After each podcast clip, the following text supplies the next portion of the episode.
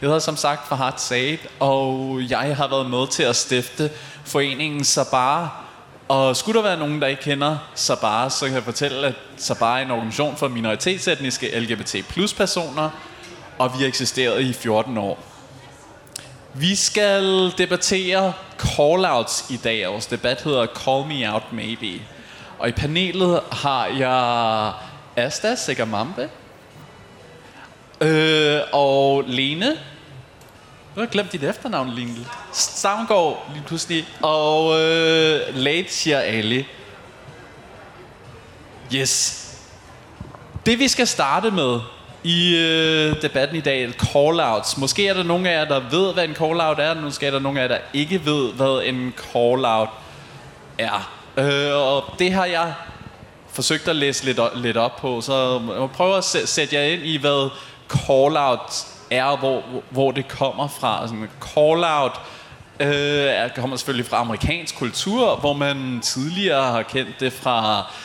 Øh, metodistiske kirker, hvor præsten vil lave sådan en type call and response og få publikum til at respondere på ting, øh, ting han sagde. Og det, hvad man blandt andet kunne kalde en call out og kalde ud til, til publikum. Senere så har man så kendt det i mere aktivistiske kredse, hvor man simpelthen kalder ting ud, at calle ting ud, som går over stregen, enten en privatperson eller en organisation, der siger noget, som går over stregen eller bryder med nogle, øh, nogle normer for lighed og vær- værdighed. Callouts hænger også tæt sammen med, eller hænger sammen med begrebet cancelled. Jeg ved ikke, om der er nogen af jer, der har hørt om begrebet cancelled før. Hvor mange har hørt om ordet, begrebet cancelled? Ja, der er flere af jer, der har, har hørt om det. Cancelled kender jeg selv fra uh, RuPaul's Drag Race. Jeg tror, det var der, hvor jeg hørte det først, hvor at, uh, jeg hørte en af deltagerne, Detox, øh, gentage ordet, cancelled, she's cancelled. Og jeg har lige hørt en podcast om uh, det at blive cancelled, hvor, og hvor det kommer fra. Og de påstod, at det at være cancelled, det kom fra et YouTube-fænomen, der hedder Joan the Scammer, der talte til en kaffemaskine og sagde sådan, at ah, this coffee machine is cancelled, fordi den ikke virkede. Men cancelled er også noget, man kan se på sociale medier inden for aktivisme, hvor det er, at øh, personer, eller organisationer, eller tv-serier, eller skuespillere kan blive øh, udråbt, eller få øh, et label som at blive cancelled, simpelthen aflyst, og aflyst må være lige med at blive bandlyst i et eller andet format. Sammen med de her begreber, calling out og cancelled, øh, er der også et begreb, som vi vil beskæftige os med i aften, siger call in. Oversat til dansk at kalde ind. På en eller anden måde det modsatte af at call out, hvor det at call out skulle være en offentlig ting, som man gør for at udråbe noget, som nogen eller nogen gør på en eller anden måde, så er det at call in en mere øh, privat måde at fortælle nogen, at hey, her har du faktisk overtrådt en grænse, eller overtrådt mine grænser, eller det du sagde, eller det I gjorde, det var faktisk ikke helt rigtigt. Så det var en lille begrebsafklaring til at introducere vores debat. Og jeg har faktisk bedt vores panelister om at forberede nogle øh, eksempler på gange eller øh, steder, hvor de har oplevet call-outs. Men før vi springer ud i det, kunne I ikke lige kort introducere, hvem I er og hvem I repræsenterer? Asta, har du ikke lyst til at starte? Jo, tak. Hej. Jeg hedder Asta Selwane Sagamane. Jeg er 30 år gammel, og jeg repræsenterer den organisation, der er nystiftet, der hedder Afro Danish Collective. Det er en organisation, som at der sørger for, at os afrodanske stemmer ikke bliver overset, som vi desværre har været gjort. Øhm, jeg vil gerne, jeg er i gang med min kandidatuddannelse, jeg er i gang med at lige nu at blive undervist i at blive intersektionel antiracistisk underviser, og jeg vil gerne tiltales hun hende. Tak. Tak for det. Lene Stavgaard. Jeg skal lige huske at tænde. Jeg hedder Lene Stavngård, og jeg er national chef i Sex og Samfund. Og dem, som ikke kender Sex og Samfund, så er vi en forening, der kæmper for seksuelle og reproduktive rettigheder.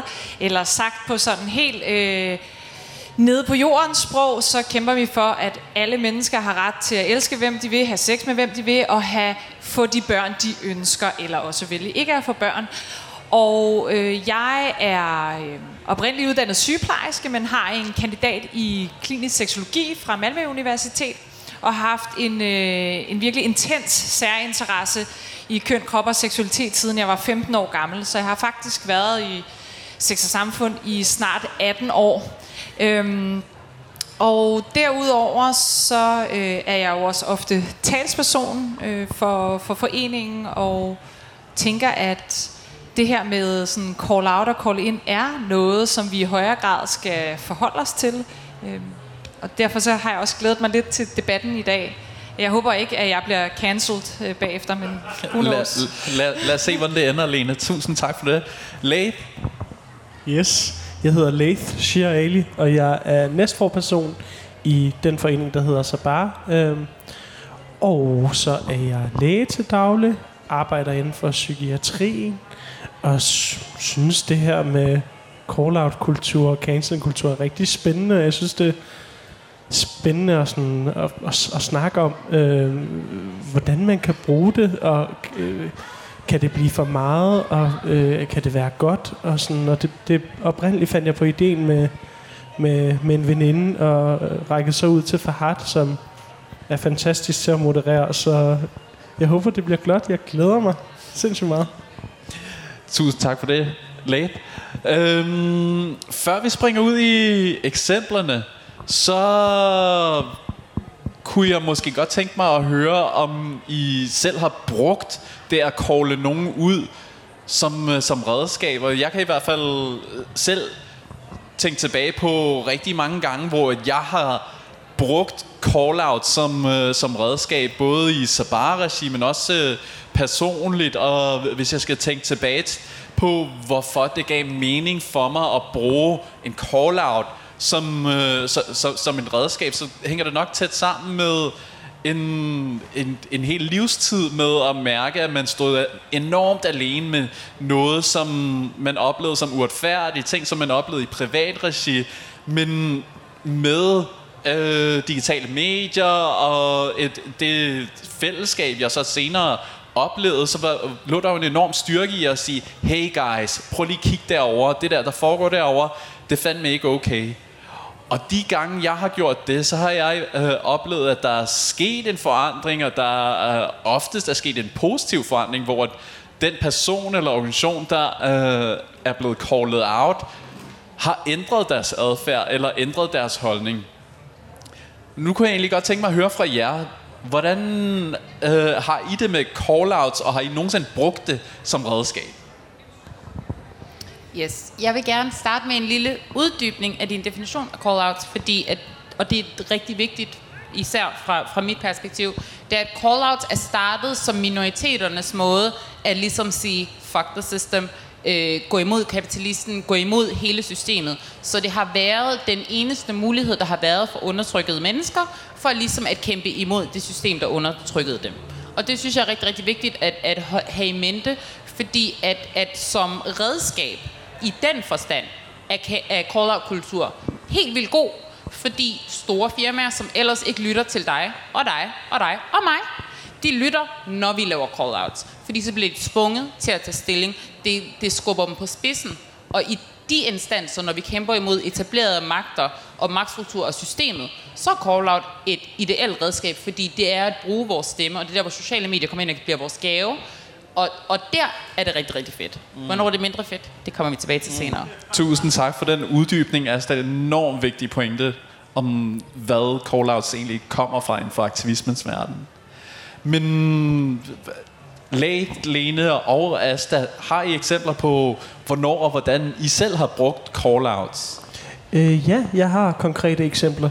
Jeg må, jeg må indrømme, det er først inden for det sidste år eller halvandet, jeg faktisk har brugt det at call nogen offentligt ud. Jeg har egentlig foretrukket... Øh, specielt når det handlede om folk, som jeg i det store hele delt holdningsfællesskaber med, at skrive til dem privat, eller sige, det, øh, sige noget privat til dem.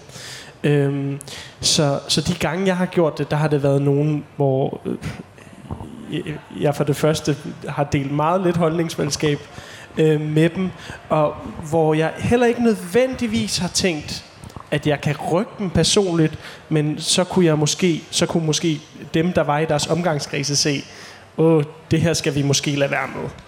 Øhm, jeg ved ikke, om jeg skal komme med et konkret eksempel nu, eller... Jeg kan komme med et konkret eksempel på dine vegne, fordi vi er jo ja. Facebook-venner, og vi kender hinanden privat. Ja. Og det, jeg ser dig gøre, og det du må, måske det er det, du tænker på, men det, jeg har set dig gøre offentligt på Facebook, er rent faktisk at tagge folk og øh, linke til folks øh, profiler, når det er, at øh, du har set personer, som du deler værdier med på en eller anden måde, kommenterer noget, som du synes går langt over stregen, og ikke kan forstå, hvorfor de gør, som de gør. Og det øh, har jeg faktisk været enormt imponeret over. Det er, sådan, det er en enormt stærk måde at bruge det redskab på, men det er måske også en enorm farlig måde at bruge det på i forhold til de personer, du har private relationer med. Ja, det kan man godt, det kan man godt synes. Jeg tænker egentlig, at jeg, at jeg vil nævne det konkrete eksempel. Det var egentlig det, jeg havde tænkt mig. Og nu øh. nævnte jeg det for dig, undskyld. Det er helt fint, det er helt fint. Øhm, det, er, det lyder også bare så meget bedre, når der er nogen, der siger det på min vej. Øhm, ja, øhm, jeg, jeg adresserede faktisk helt konkret øh, øh, Christian Lavsten Madsen, som er landsformand for Venstres Ungdom, som havde liket et post af Pernille Vermund.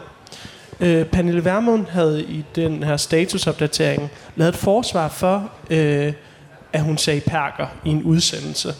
Øh, hvor det var, at der var nogen, der kom kørende forbi, og jeg kan ikke huske, hvad det var, de gjorde.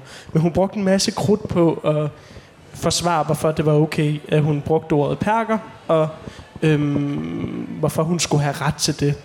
Øh, og øh, Christian, som jeg også kender personligt, øh, havde liket det her post, og det synes jeg faktisk var lidt grænseoverskridende. Nu vil jeg sige, inden jeg begynder at læse det op, det kan I nok også fornemme, øh, når det er, jeg får læst øh, det er bare meget kort statusopdatering op. For mig er det vigtigt, at man, at man bruger humor, og øhm, det synes jeg virker bedre.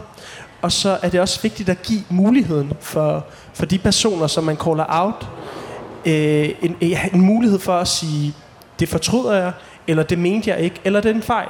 Fordi det kunne jo godt være en fejl. Det kunne jo godt være en fejl, at man har trykket like. Jeg er kommet til at like mærkelige reklamer og øh, ting, en reklame for kondomer, eller et eller andet random, der er dukket op på mit... Det, det er der jo ikke noget galt med. Nej, det er der ikke. Det er der ikke. Men random ting, som jeg altså, er kommet til at trykke på. Nå, men det jeg skrev, det var, øh, kære Christian Lavsten Madsen, landsformand for Venstres Ungdom. Jeg kan se, at du har liket Pernille Vermunds forsvar af at kalde minoritetsetniske medborgere for perkere. Nu møder vi jo hinanden en gang imellem, og jeg vil bare lige fortælle, at jeg foretrækker at blive kaldt Leith. Måske til nøds life, har jeg sat i gåsøjne. altså, ud, parentes, udtalt på vestjysk med en diftong A-lyd, så det lyder mere som leif, hvis man nu ikke kan udtale det engelske TH. Er det en praksis, du eller Venstres Ungdom er fortaler for, eller var det et fejl-like? Ja. Yeah. Jeg tænker måske bare, øh, jeg ved ikke, om jeg skal tale Nej, videre. vi, jeg tror ikke, vi kan efterlade den der, fordi Ja. nu, det, det var, hvad du gjorde. Det var det, jeg gjorde. Hvad skete der? Ja. Øhm, øh, det, der skete, det var... Øh, ja, der var en masse likes, likes, likes, likes. Der var en masse likes fra, fra folk, der selv var medlem af Venstres Ungdom. Jeg kender ret mange mennesker, der er medlem af Venstres Ungdom. Jeg hører selv til længere ude på venstrefløjen. Jeg er selv øh, medlem af, af SF. Men øh, jeg ved, der er rigtig mange fra partiet, som ikke nødvendigvis skulle, de, altså, synes, at det var, øh, var skønt. Og jeg kunne også se, at der var en masse, der likede og, og taggede, øh, taggede ham. Og han skrev så, øh, Hej Lath, jeg kunne ikke drømme om at kalde dig for perker. Det håber jeg også, du ved. Blink smiley. Eller andre for den sags skyld. Jeg synes dog, at hele denne sag er gået lidt ud af proportioner, og vi skal passe på ikke at blive for sensitive på et helt generelt plan. Det synspunkt delte Pernille i et opslag, og derfor likede jeg hendes opslag. Og så var der så en masse kommentarer. Og den første kommentar, det var, øh, synes du, at Lath er for sensitiv, hvis han ikke vil kaldes perker? Nej, slet ikke, svarer han så. Og der kommer så en lang række kommentarer, indtil han til sidst øh, siger, at han forstod ikke opslaget som en støtte til retten til hadfuld tale, men bla bla bla. Øh, I så fald, øh, undskyld. God jul. Okay. Så den call-out ender faktisk med, at han ender med at sige undskyld. Ja. Yeah. Okay, alright. Det er at vi vender tilbage til det, det eksempel. Lene, nu kan jeg godt tænke mig at høre fra dig. Har du Ja. brugt call-outs som redskab? Altså først og fremmest, så synes jeg, det er vigtigt at sige øh, det som, øh, altså bare sådan lige kado til Asta for at sige, at der er jo, der er jo nogle mekanismer i, i call-out, som er vigtige at anerkende, at der er noget med nogen, der har magt, og en måde at lave modmagt på. Øhm, men når det så er sagt, så vil jeg sige, i, altså jeg har ikke lavet call-outs øh, nogensinde faktisk i somi-alderen. Øh, andet end jeg Ald- måske... Aldrig nogensinde? Øh, nej, det tror jeg ikke. Okay. Det, det tror jeg ikke, jeg har. Øh, jeg, jeg gør det mest i call-ins. Mm-hmm. Øh, hvis det er personligt. Mm-hmm. Øh, jeg har nok deltaget i en del call-outs mod Trump. Det er ligesom en, en del af min, øh, mit virke, kan man sige. Men, øh, men jeg har aldrig lavet, lavet call-outs, som var, var personlige. Men hvis jeg skal tænke, om jeg nogensinde har lavet call-out, så har jeg det før den digitale alder. For jeg startede jo relativt ung som aktivist. Og jeg startede med egentlig at arbejde meget internationalt. Fordi jeg arbejdede for unges rettigheder til at deltage i organisationer som for eksempel Sex og Samfund eller andre... Øh, jeg har siddet i rigtig mange år i bestyrelsen i noget, der hedder The International Planned Parenthood Federation, som er en øh, sådan moderorganisation for alle organisationer, der arbejder med seksuelle og reproduktive rettigheder i hele verden. Øh, og der kæmpede jeg for unges rettigheder. Jeg brændte også fingrene rigtig mange gange, fordi der var selvfølgelig, dengang var man slet ikke vant til, at unge skulle have et sæde ved bordet. Og jeg tror, det værste, jeg nogensinde har gjort, det var, at jeg stillede op som voksen, før mit ungdomsterm var endt. Fordi jeg havde brugt rigtig mange år på at tale om, hvorfor unge skulle have et sæde ved bordet. Og da jeg så selv, grænsen går ved 25, da jeg så selv var 24, så sagde jeg, nu stiller jeg op som voksen. Det, det nytter simpelthen ikke noget, jeg kommer ind i et term, hvor jeg kan sidde tre år mere, bare fordi jeg opfylder kravet så vil jeg hellere give plads til en anden unge, og så må jeg tabe. Altså, så må, de, så må I sige, gå din vej, og så må jeg tabe. Og det endte med, at jeg jo så blev valgt som voksen, og jeg endte faktisk også med at blive præsident af Europa nogle år efter. Mm-hmm. Men øh, som sådan en ung aktivist, der lavede vi rigtig meget call-out. Jeg har blandt andet været med til at call-out Kofi Annan. Det var super upopulært. Han var jo ligesom chefen for øh, FN, og det var, han var meget, meget populær. Og, sådan. og en af de ting, vi callede ham out på, det var jo selvfølgelig, at han ikke snakkede om unge. Eller han ikke inviteret unge til bordet, at de ævlede om unge, og hvor vigtigt det var at have unge med. Og det er alle de unge, der får AIDS, og det er alle de unge, der får øh, usikre øh, aborter, og det er alle de unge. Men vi fik aldrig lov til at sidde med til bordet. Så til den internationale AIDS-konference, som det år var i Bangkok, der lavede vi en demonstration, hvor vi sagde, at øh, du ved, Kofi Annan har rigtig meget i munden, men øh, ingen handlinger. Og, sådan, og der blev var der virkelig mange, der var sure, fordi dengang altså, var der jo heller ikke så mange, der vidste, hvad, hvad sådan noget var. Og så har jeg også været med til at kalde paven ud. Øh, det gjorde jeg jo så i sådan en rimelig... øh, Hvilken af dem? det var så øh, Papst Ratzinger. Det er også lidt tilbage i tiden her. Det var mine aktivistiske unge dage. Øh, og det var fordi, da Ratzinger blev pave, der, øh, han var tysker jo, så der, var, der lavede de sådan noget World Youth Catholic Day i øh, Tyskland, hvor 700.000 unge katolikker mødtes. Og Ratzinger blev meget kendt for det her med, at han gik rundt og sagde, at der var små, bitte små huller i kondomer, som spredte AIDS. Og det vil sige, at alle, der sagde, at man skulle bruge kondom, var med til at sprede den her pandemi af AIDS. Øh, og, og der lavede vi jo faktisk et virkelig effektivt call. Jeg tror, han var rimelig ligeglad med at blive call out, men, øh, men det, der var effektivt ved det, det var, at vi, øh, vi var en lille bitte europæisk ungdomsorganisation, og vi valgte at sige, at vi tager sgu med, vi melder os ind, vi lader som om vi er katolikker, så melder vi os til det her, og så øh, infiltrerer vi alle nonnerne og munkene, og så øh, bor vi på sådan undercover om natten, og så om dagen, så går vi ud med sådan noget condom save lives. Hvordan infiltrerede I den? Jamen, vi meld, altså man måtte jo ikke, det, det her det er jo virkelig sådan hardcore amerikanske, polske, australske pro-lifers, som jo mange af dem Altså, jeg har jo også arbejdet aktivistisk de år, hvor læger blev skudt i USA, og jeg har stået i Slovakiet med kæmpe store billeder af mig, hvor der bare står babymorder. Og, altså sådan, så vi, vi, vi levede livet farligt, så vi var jo undercover på den måde, at vi meldte os til, som vi var katolikker. Ellers var vi jo ikke med velkomne. Mm. Og det vil sige, at vi lod som om, alle de steder, vi boede, og alle dem, vi var tæt på, lod vi som om, vi var katolikker. Og når vi øh, så gik ud om dagen, så øh, skiftede vi tøj, og så havde vi Condom Save Lives. Og så havde vi lavet et samarbejde med en stor amerikansk organisation, som faktisk er katolikker, som hedder Catholics for a Free Choice. Og så det vil sige, inden den her event, der havde vi købt det for i Køln, så havde vi købt, de havde rigtig mange penge, de var amerikanere jo. Så øh, vi havde købt alle billboards i metroen. Alle og det vil sige, at alle billboards i hele metroen, i hele køllen, var bare kæmpe store plakater, hvor der stod kondomer redder liv, eller, og så var der sådan to unge mennesker, der sådan så ud som om, de var caught in the spotlight, hvor der står abstinence does not work, eller abstinence does it really work. Og så gik vi rundt, og det vil sige, det var jo sådan et call-out mod paven det, det, var, altså sådan, det var jo effektivt på den måde, at der var i hvert fald en hel masse unge katolikker, der også så, at der var noget alternativ, og det vigtige for os var jo også at få rigtig information ud.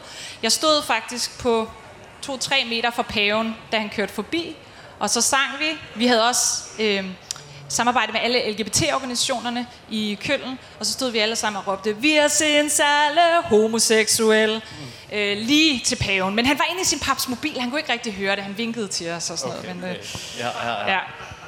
Ved, ved du, om I fik ændret nogle unge menneskers holdning? Det gjorde vi, altså vi snakkede jo også med folk på gaden. Altså jeg, jeg stod i hvert fald nogle gange med nogle pro-lifers, som, som, øh, som godt ville snakke med mig, og som holdt mig i hånden og bedt for min sjæl. Og sådan. Men, øh, men der var helt sikkert også nogen, som, øh, som lyttede, og det vigtige var jo også at få det her budskab ud med, at det nytter ikke noget, at når man er paven, det er fint nok, hvis man er paven, at man så siger, jeg synes, I skal lade være med at have sex, det er forkert, eller sådan. Det, det må de om. Men det er ikke okay at sige, at kondomer spreder AIDS. Det er et farligt budskab at ja, komme meget. ud med. Asta, hvad med dig? Eksempler på call-outs, hvor du selv har brugt det, eller oplevet det? Altså, ja, jeg bruger også selv call-outs, og jeg har brugt det i forhold til øh, de danske medier. Fordi de danske medier, de har et ansvar, som de ikke lever op til. Faktum. Øh, vores politikere, dem kan vi stemme ind, dem kan vi stemme ud, og det gør vi brug af.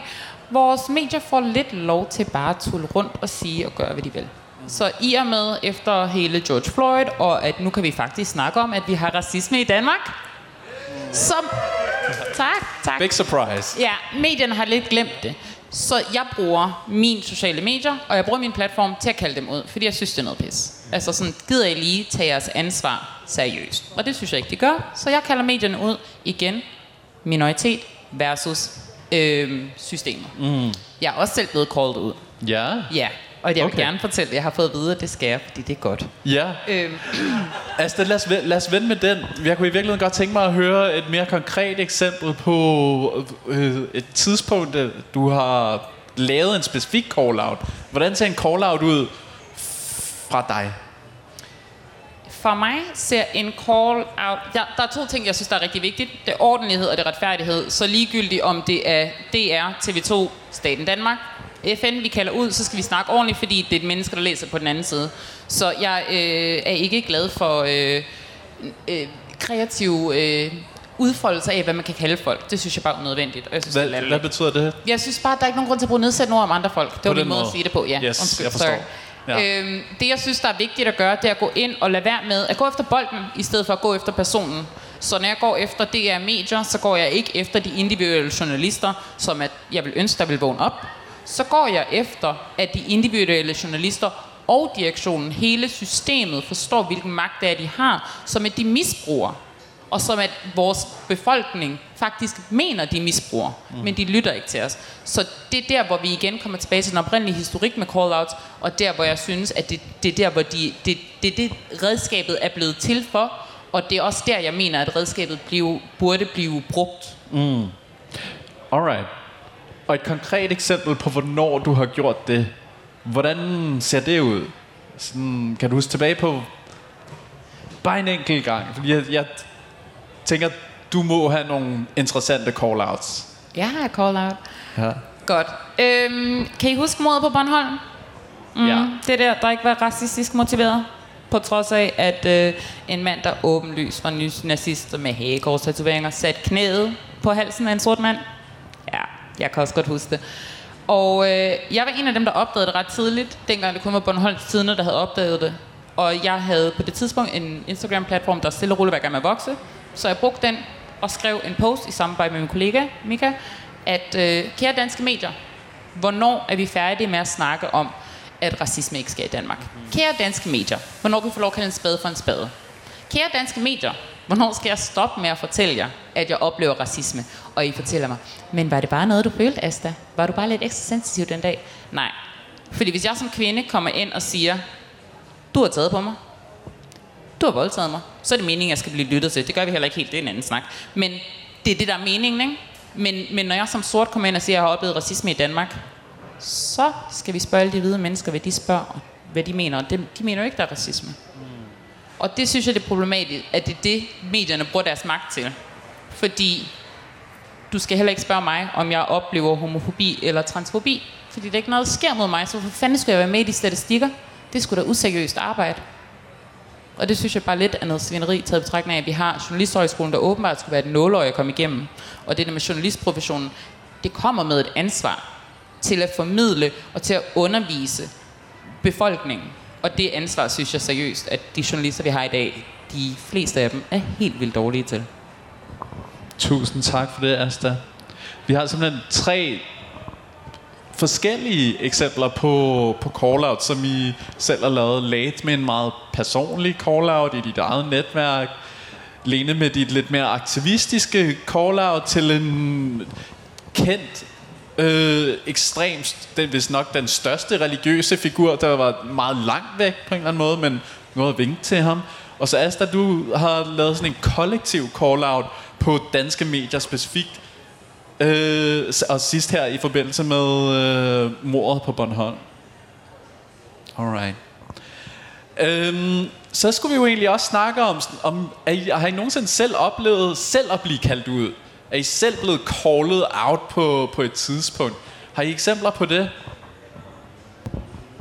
Det har jeg jo allerede afsløret, jeg har, så jeg vil Det sagde tage du rent faktisk, Asta. Ja, og jeg er ikke stolt af det. Det vil jeg godt sige som det første. Jeg vil også sige som nummer to, jeg er rigtig glad for, at det her skete privat. Okay. Godt. Det, der skete, det var, jeg øh, var sammen med min familie, og øh, så sagde min onkel noget ala et eller andet, et eller andet, mande makeup. Og mit svar, det var, hvad fanden er det for noget pjat, du har gang i? Mande makeup. Altså, hvad er det for noget? Kan vi ikke bare kalde makeup for makeup? Og øh, hele min familie, rundt om bordet, vi har alle sammen rigtig mange holdninger, vi ytrer rigtig højt, de kaldte mig ud. Hmm. Skamløs, jeg blev sat på min plads, jeg fik at vide, at jeg skulle holde min kæft, og jeg skulle stoppe med at være så pissehammerne indsnævret. Og du ved, i øh, bagklogskabens lys, så kan jeg da godt se, at det der det var rimelig meget en af mine blinde vinkler, jeg hoppede direkte ned i. Og så vil jeg også sige, at det er helt vildt lækkert, at vi er i det her miljø i dag, hvor der er rigtig mange af de her talks, som jeg er gang i, som der lige præcis går op imod den norm, altså sådan normen, mm. og hvad, hvad systemet mener, der er rigtigt. Ja. Og det var jo lige præcis den, jeg hoppede ind i, med begge ben. Men så det du gjorde, altså fordi sådan som jeg hørte af det, så var din pointe, at der findes kun makeup, der findes ikke mand- eller kvinde makeup. Hvad var modsvaret fra din familie? Hvad var der, deres pointer? Modsvaret var, at, at, at bare fordi, at samfundet har markedsført makeup til kvinder hovedsageligt, at, at så er der blevet lavet en, en ekstra kategori, der hedder mande makeup, fordi der er nogle personer, der ikke føler sig inkluderet i sådan, som makeup-industrien er lige nu. Mm-hmm. Og bund og grund, min families svar til mig var, det rammer ikke dig, tag dig lige fucking sammen, Asta. Okay. Ja. Alright. Okay, okay. Det er et godt eksempel. Læge, har du et eksempel på at blive kaldt ud, og blive called out? Øh, jeg, kunne, jeg kunne faktisk ikke komme i tanke om særlig mange, men det har der helt sikkert været. Øh, men lige da du nævnte dit, kom jeg i tanke om et eksempel. Jeg synes oftest, det har været det har været i private sammenhæng, men hvor der også har været andre mennesker. Jeg kan huske en af de første gange, jeg begyndte at i Sabarashi, øh, hvor, vi, øh, hvor vi har vores private caféer, øh, hvor det kun er folk, der er målgruppen, der må, der må være der. Øhm, og så, øh, det var det handlede som makeup. Der var nogen, der sagde, et eller andet, et eller andet noget med makeup, noget med makeup til mænd. Og så var jeg sådan, og så, og, så, og så var der en ved siden af mig, det var, jeg var lige sprunget ud, vil jeg gerne lige sige, disclaimer, disclaimer, alt muligt. Der er sket meget siden da. Og så Og var der en, du, du, jeg skal lige vide, du griner, fordi du tænker, makeup til mænd fjollet. Ja, ja. Okay. altså hvorfor skulle mænd have makeup på? Ja. Det var meget fjollet. Øh, tænkte jeg. Øh, og så var der en ved siden af mig, der efterlignede mig. Øh, skøn person, der var sådan... Mænd, der har makeup på. What? Uh, hvor ville det være mærkeligt. Og så begyndte jeg at grine, og så var jeg sådan... Gud, ja, det var faktisk utrolig cis-heteronormativt sagt. altså gik det op for mig. Det, Nå. det gik simpelthen op for dig i det Der, øjeblik, Der, der. så du fattede det godt. Så jeg fattede det godt. Ja. Øh, og jeg tror endda, vedkommende havde... Øh, ikke makeup på lige der, men normalt gik med makeup. Det vidste jeg også godt. Øh, og det fik, mig, det fik mig til at indse noget. Det var øh, faktisk ret nederen sagt. Øh, så ja. Yeah. Okay. Et godt eksempel at blive called out, og et, øh, ret meget relateret til det, Asta kunne fortælle. Lene, har du et eksempel på at blive kaldt ud at blive called op? Nej, jeg tror faktisk mest, jeg er blevet called in, hvis der har været noget. Altså, øhm, jeg, altså, sådan et helt nyligt eksempel er, at jeg for nylig lavede et oplæg til omkring øh, samtykke, sammen med en person, som har været meget øh, ude at tale om samtykke på en måde, som mange er rigtig vrede over. Og det, altså jeg kan jo lige så godt sige det, fordi det er jo også offentligt, men jeg lavede, jeg lavede et oplæg med Nima Samani omkring øh, samtykke på en højskole, og det var ret interessant, fordi øh, faktisk jeg, nærmest lige med det samme, de billeder blev lagt op, så fik jeg, og det var jo ikke, en- altså det var en call out på den måde, at det var inde på min Instagram, en kommentar på min Instagram. Men øh, min Instagram er lukket, altså jeg er sådan en, jeg, det er kun folk, jeg kender, og som jeg har mødt i virkeligheden, øh, som er der, fordi at min Facebook, der kan, der, det er fuldt åben, der er venner med alle mulige, og der er ikke noget, så min Instagram er jo bare sådan, du ved, billeder af øh, mit kedelige liv, øh, som, øh, som kun dem, jeg, der, jeg er så tæt på er, ikke? Jeg, jeg følger dig, dit liv Ja. er ikke kedeligt. Men øh, der var så en, der skrev på Instagram ret hurtigt sådan, hvorfor, du ved, hvorfor laver du noget øh, med den idiot? Øh, han er dum at høre på, og sådan, hvorfor bliver I ved med? Og, sådan.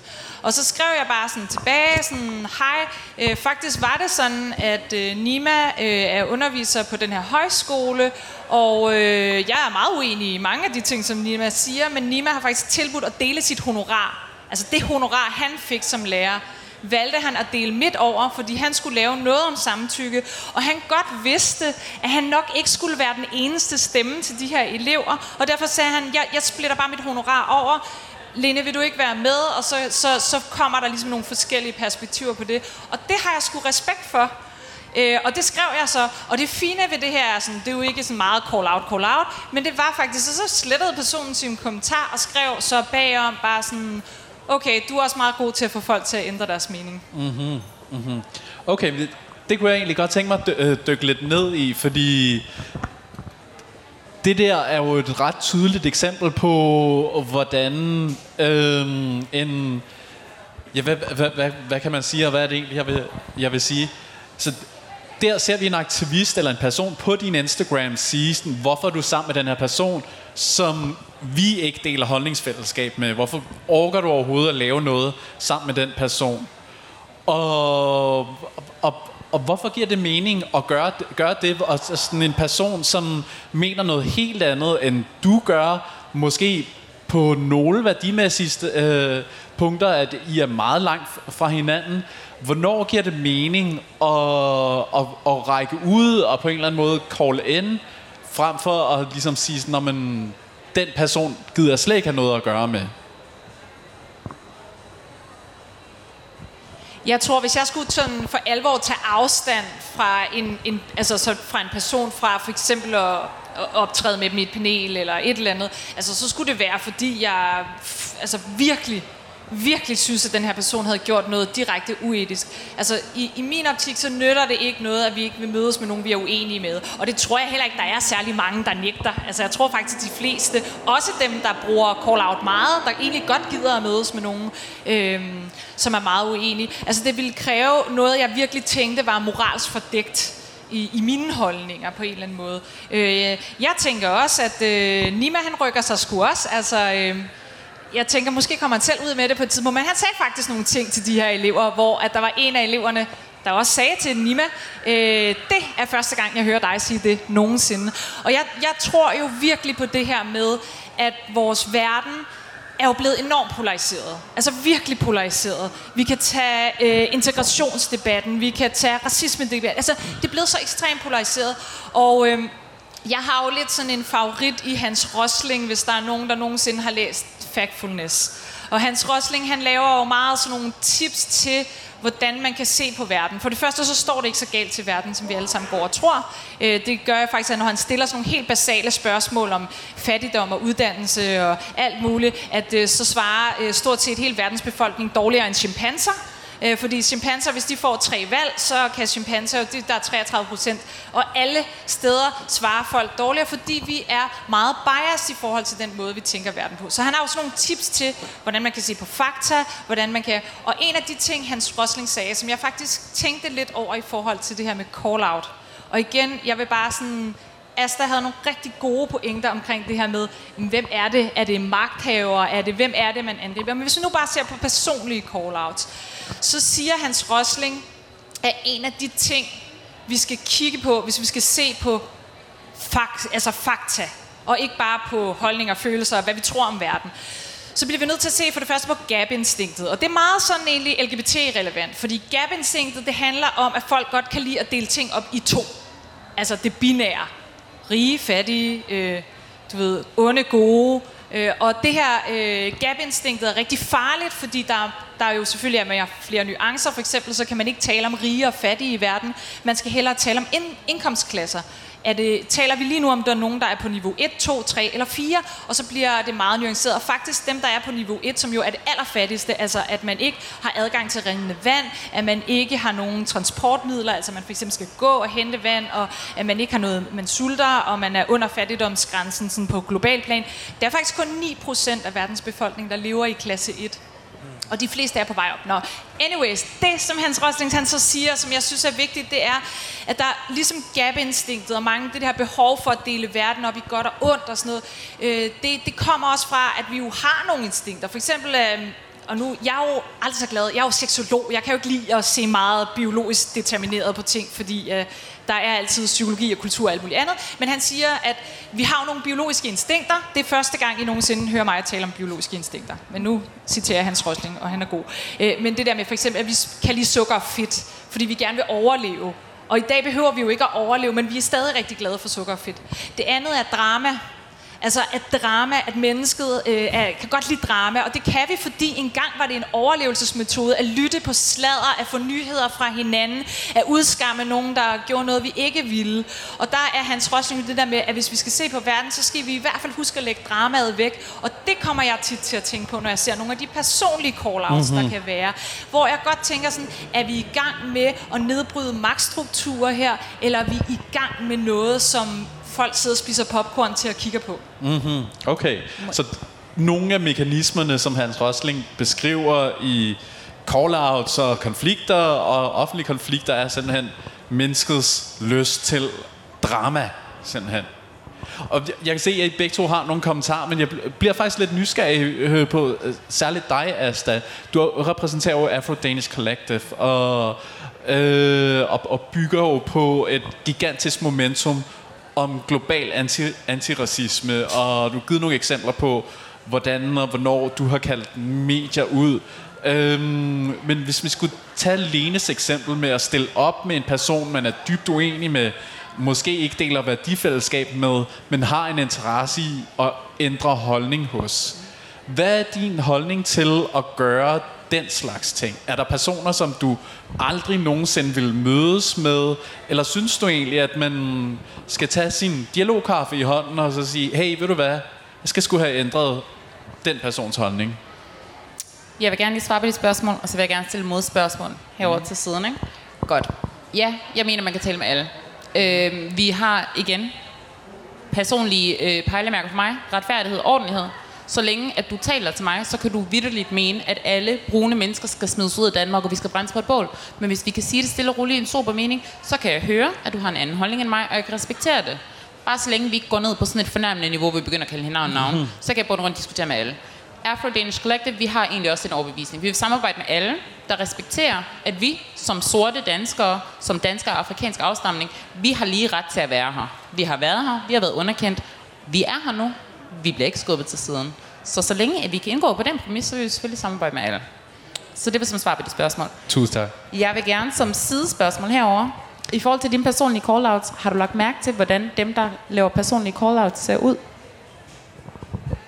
Er det dem, der er undertrykt af magten? Det er et spørgsmål til Lene. Ja, det vil jeg sige i høj grad, det mange gange er, men det synes jeg ikke altid, det er.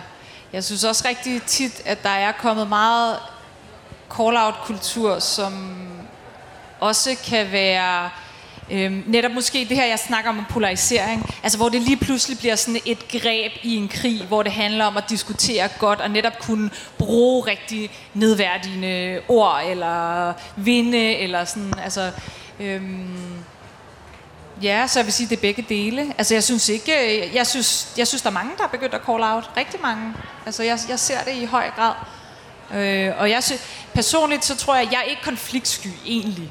Men, men jeg har svært ved at se, måske særligt under øh, Black Lives Matters-bølgen øh, her i Danmark, hvordan øh, personer... Øh, også var i gang med at rive hinanden ned. Også personer, der kendte hinanden og sådan noget, hvor jeg tænkte, der var i hvert fald nogle ting, som jeg blev, jeg blev ked af det over noget af det, og det handlede jo overhovedet ikke om mig, så jeg, jeg skulle jo bare pakke mig selv sammen, fordi det, det, det her det var noget større, noget vigtigere end alt muligt andet, det vil jeg også sige, men, men jeg synes... Øh, jeg synes generelt faktisk, jeg, jeg, og jeg har fået lyst til at spørge dig, ser du ikke også nogle øh, magthavere, som også bruger call-out? Som bruger det som taktik? Altså personer med magt, der... Ja, som bruger det som taktik. Men så synes jeg bare ikke, vi kan kalde det call-out, så synes jeg bare, det hedder undertrykkelsesstruktur. Jamen, altså, det sådan, kan vi så være- synes jeg bare, vi skal kalde det Ja, for, hvad det er. det kan vi være altså, om. sådan, Så når Helt vi sikkert. snakker om, at vores allesammens Ja. folkevalgte Ja. politikere vælger at sige, at der findes ikke racisme i Danmark, og, altså, sådan, det er jo ikke call-out, det er bare undertrykkelse. Så Læg, du har markeret længe. Jeg synes bare, det var interessant, det der, at vi snakker om det der med personlig versus øh, at rette noget mod et etablissement eller en organisation osv. Altså jeg har jo selv, mit eksempel var jo som det eneste personlige call-out, og jeg synes ikke, det var skidt. Jeg synes faktisk, det var ret godt. Og øh, øh, jeg synes faktisk også, det virkede ret godt. Og måden, det virkede ret godt på, det var et, så sagde han, at han ikke mente det. Og var min intention, at han ægte ikke mente det, eller ægte fortrød? Jeg skal være helt ærlig, nej. Du spurgte lige før det der med, øh, om, hvordan ændrer man personernes holdning? Ændrer man personernes holdning, når man gør det? Ikke nødvendigvis, men det var ikke ham, det handlede om. Det handlede om de andre i organisationen, eller de andre, der så på, der også så, der er også grænser for, hvad der er okay øh, at sige øh, og gøre. Og det var en eller anden, og nu bruger jeg et ord, som sikkert er irriterende i den her øh, sammenhæng, men det var en form for social kontrol at sige, der er grænser for, hvad vi kan sige, hvad vi kan gøre, hvad vi kan mene offentligt. Øh, og nu nævnte jeg lige den her som personlig call-out. Jeg har på et andet tidspunkt callet en, et, et andet menig medlem af et ungdomsparti ud, som havde liket en episode, hvor øh, det var beskrevet en avisartikel, hvor der var en flygtning, der var blevet hjemsendt. Øhm, og øh, han havde i, øh, i flyet på vej hjem slugt nogle barberblade, endte med at kaste det her blod op og død. Super tragisk. Øh, det her menneske, den her person, havde grinende smileyet øh, artiklen, og der var en masse hæslige kommentarer hele vejen ned. Jeg screenshottede den der grinesmiley. Vi havde 20 fælles venner. Øhm, han, vi kendte ikke hinanden, men vi havde 20 fælles venner. Og, øh, og jeg postede, og jeg var sådan, hey, jeg kender ikke ham her. Er der nogen, der kender øh, ham her personen? Og øh, kan I spørge ham for mig, om det var med vilje, eller det var en fejl? Øh, jeg håber, det var en fejl, fordi det synes jeg, der er noget hæsligt, noget jeg synes er rigtig sjovt. Så for mig er det en måde at normregulere, øh, normregulere og køre social kontrol, øh, og, øh, og, og som jeg faktisk synes er, er valid. Jeg synes, det, jeg synes det, det er en form for, så kan man godt, altså sådan, jeg kan godt sige, det er en form for, øh, han har en mulighed for at sige nej, åh, det var en fejl, og jeg ved ikke hvad, og andre kan se, uh, det her det er måske ikke det fedeste, jeg mener, kan måske også, hvis man endda gør noget ud af at gøre diskussionen super. Fordi det synes jeg, man skal. Virkelig. øh, og ikke kalde folk grimme ting osv. Hvis, hvis, man, hvis det er, man på en super måde også kan forklare, hvorfor man synes, det her er nederen, og prøver på en eller anden måde at tale til den fornuft, der hedder, der er også pårørende, der følger med i de her kommentarer, som har det rigtig skidt, på trods af, hvad du mener politisk om hjemmesendelser osv., at, at der er nogen, der læser det her, og læser, at, at nogen synes, at det er rigtig sjovt, rigtig skægt, at man er kommet til at dø, fordi man har slugt barberblad, fordi man gerne vil undgå at blive hjemsendt. Tusind tak for det, uh, Late. Det er et uh, fantastisk eksempel på, hvordan man kan bruge caller, og hvordan du bruger det. Uh, Lene, du har en kort kommentar eller et spørgsmål? Ej, jeg er så dårlig til at tænde den her. Men det er faktisk igen sådan, altså... Øh, apropos Asta, sådan netop, lad os, lad os nuancere, hvad vi taler om. Vi kan ikke, tale, vi kan ikke kalde alt call-out. Øh, og vi kan selvfølgelig godt se igennem så personlig call-out, noget ikke personligt. Men jeg tænker faktisk, når, når du beskriver det, du gør, altså jeg ved godt, det, det, det vil jo nok falde ind under paraplyen call-out. Men, men man kunne jo også kalde det, at det egentlig er sådan en mere en øhm, digital bystander-adfærd. Altså det der med, altså sådan bystander, det der ligesom hvis øh, der er nogen, der bliver slået på gaden, og man så blander sig, altså at man, man jo gerne vil have, at der er nogen, der siger fra, hvis der sker et eller andet, som ikke er okay. Og man kan jo sige sådan, dine eksempler handler jo heller ikke om, du siger, prøv lige at se ham her, hvad laver? Altså, du, du, det er jo en henvendelse til ham, som godt nok er offentlig, men som også måske godt kunne være sådan lidt bystander adfærd. Altså noget ligesom, vi vil gøre sådan, hey, det der, det er ikke okay, hvorfor gør du det? Eller altså sådan, jeg tænker i hvert fald, at der er mange nuancer i det her, hvad det er, man gør. Og noget af det, som jeg synes, der kan være øhm, problematisk engang med med call-out, eller hvilken som helst nuance, hvad vi nu kalder det. En ting er selvfølgelig, hvis man har en reel magt, og man bruger det som taktik og bare undertrykker.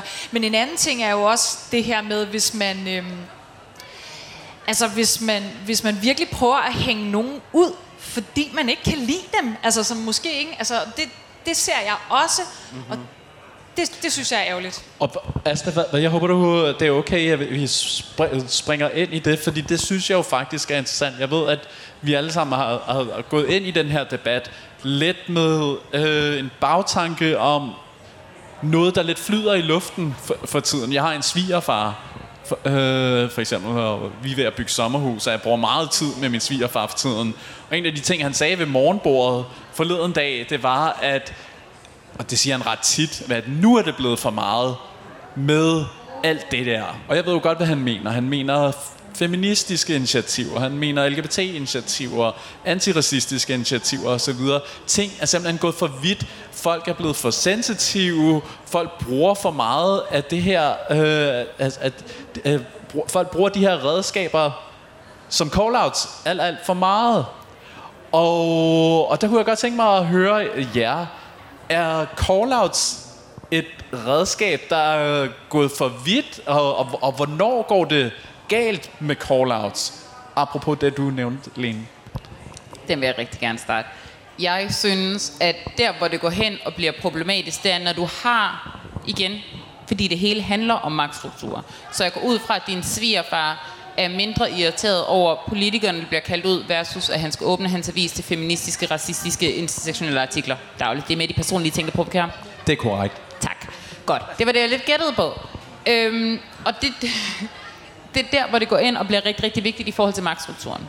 Fordi hvis vi går ind alle som individer og kalder magtstrukturen ud, så er der ikke nogen, der kommer efter os og siger krænkelsesparathed. Men hvis jeg har den audacity at sige, at jeg blev udsat som racisme, for racisme som en sort kvinde i Danmark, så er jeg jo krænkelsesparat. Det sker jo egentlig kun, fordi jeg er opmærksom på det. Så må det jo åbenbart også være med sexisme. Det er jo også bare, fordi jeg er krænkelsesparat. Homofobi, transfobi, krænkelsesparathed. Så alt, der hopper uden for normkategorierne, lige så snart det bliver et talesat, og vi ligesom siger, hey, vi gider ikke finde os i at blive goddamn undertrykt by the white male capitalistic system så er vi krænkelsesparate. Nej, det er vi ikke, skat. Vi gider det bare ikke mere.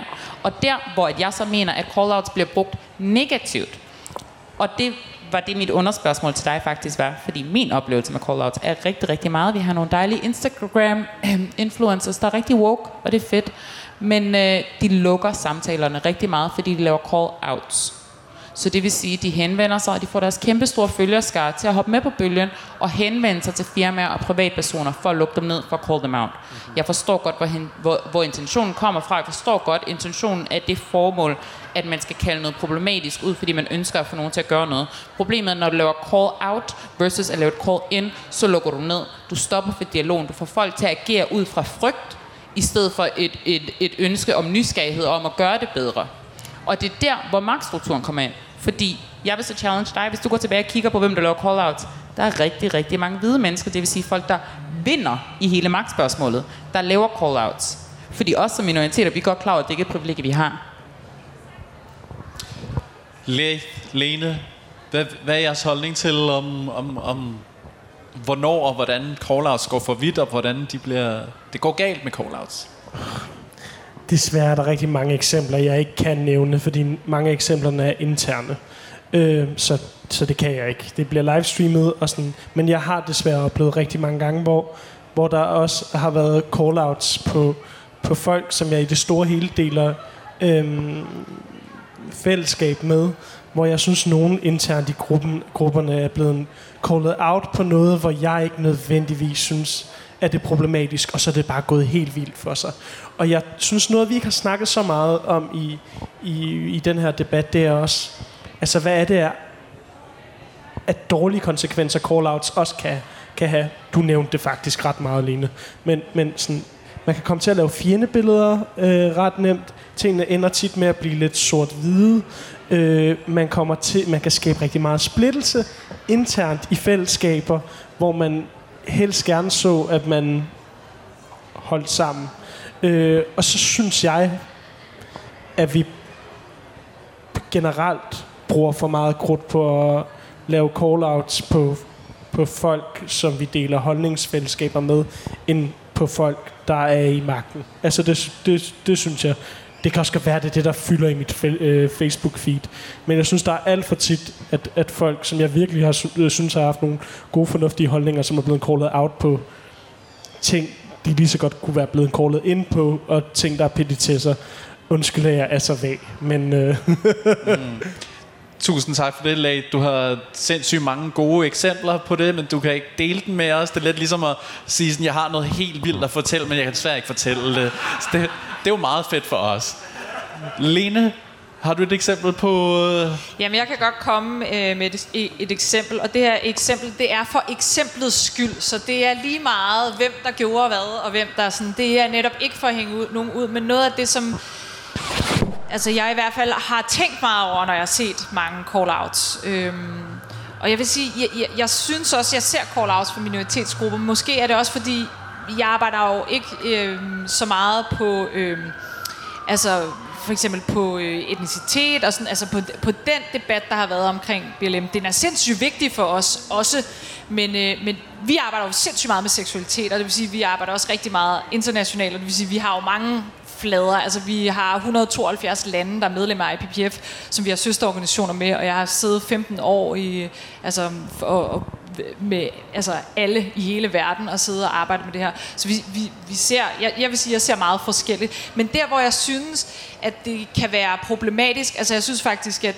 at du har sagt rigtig mange gode ting, Asta, også... Øhm, altså netop det der med både sådan noget med magtperspektiv, man bliver, bliver sgu også lige nødt til at lave en analyse af, hvad det er, der foregår. Og så synes jeg også, at det der med, øhm, jamen når noget, altså når man, når man har gang i noget, der ligner herskerteknikker, Altså når man har gang i noget, der, altså, som, som er for eksempel latterliggørelse, altså man ikke taler ordentligt og sådan noget. Det, det synes jeg også, at man skal tænke over.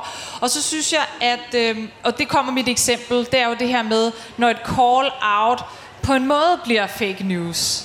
Altså når det er noget, hvor at man får sgu ikke lige alle oplysningerne, man ved sgu ikke lige, hvad der sker. Og, sådan. og et eksempel var sidste år. Der var rigtig meget øh, call-outs på pinkwashing i forbindelse med Pride. Og det fulgte jeg meget med i, og det er jo sådan, øh, og det, det er jo, altså, der synes jeg også, der er stor forskel på at øh, for eksempel øh, sige Danske Bank, altså hvis I skal flage med det flag, så skal der også være noget handling. Altså, og det, det, det synes jeg jo på en eller anden måde er skide godt. Og der, det, der skete sidste år, var, at der var så meget fokus på pinkwashing, at øh, LGBT plus øh, Danmark, de fik bare en helt masse sådan, donationer ind, og alle mulige, der gerne ville, øh, og vi vil også gerne. Øh. Så, og der var et call-out på Tobias fra Bagdysten, fordi han havde lavet en chokoladeæske, jeg skal nok prøve at gøre det hurtigt, øh, hvor at øh, chokoladeæsken kostede 100 kroner, 5 kroner gik til LGBT Danmark. Han havde været ude i en shitstorm tidligere, der var en masse mennesker, der ikke kunne lide ham, og derfor blev han så call out for pinkwashing. Bare sådan, Nå, nu prøver du at sætte plaster på såret, og så koster det 100 kroner. Hvad fanden er det for noget kapitalisme-pis, du ved? Så skimmer du bare fløden, når du giver fucking 5 kroner til LGBT Danmark. Og jeg var bare sådan, jeg var også lidt, åh, oh, okay, det der, altså sådan, jeg blev, jeg blev selv lidt fanget i det der. Altså sådan, tænkte sådan, Fa- fanget, hvordan at blev Jamen, du sur fang- på to- Tobias? Ja, jeg egentlig tænkt sådan, hold kæft, hvor er det at træde spinaten af først, altså sådan det der med, hvorfor, er det, jeg tænkte bare, hold du op, du har en dårlig presserådgiver, ikke? Mm. Det, var- det var noget med, at han havde taget en kjole på. Ja, det var, og- han havde lavet noget som- reklame, og ja. ja. havde sagt nogle ting, som var Ja. transfobiske, Okay. ikke? Og det hele det ender med, at han rent faktisk laver en ret stor kampagne, hvor han på sin egen Instagram, hvor han Ja, rækker prøv at lave- ud ja. og Ja. inkluderer LGBT-miljøet og ja, så videre. og vil gerne gøre noget tilbage. Okay. Det, der så sker, det er, at jeg tager fat i uh, Susanne Brander for uh, LGBT Danmark. Uh, vi står til åbningsrepræsentationen Som er generalsekretær. Ja, som er generalsekretær i LGBT plus Danmark.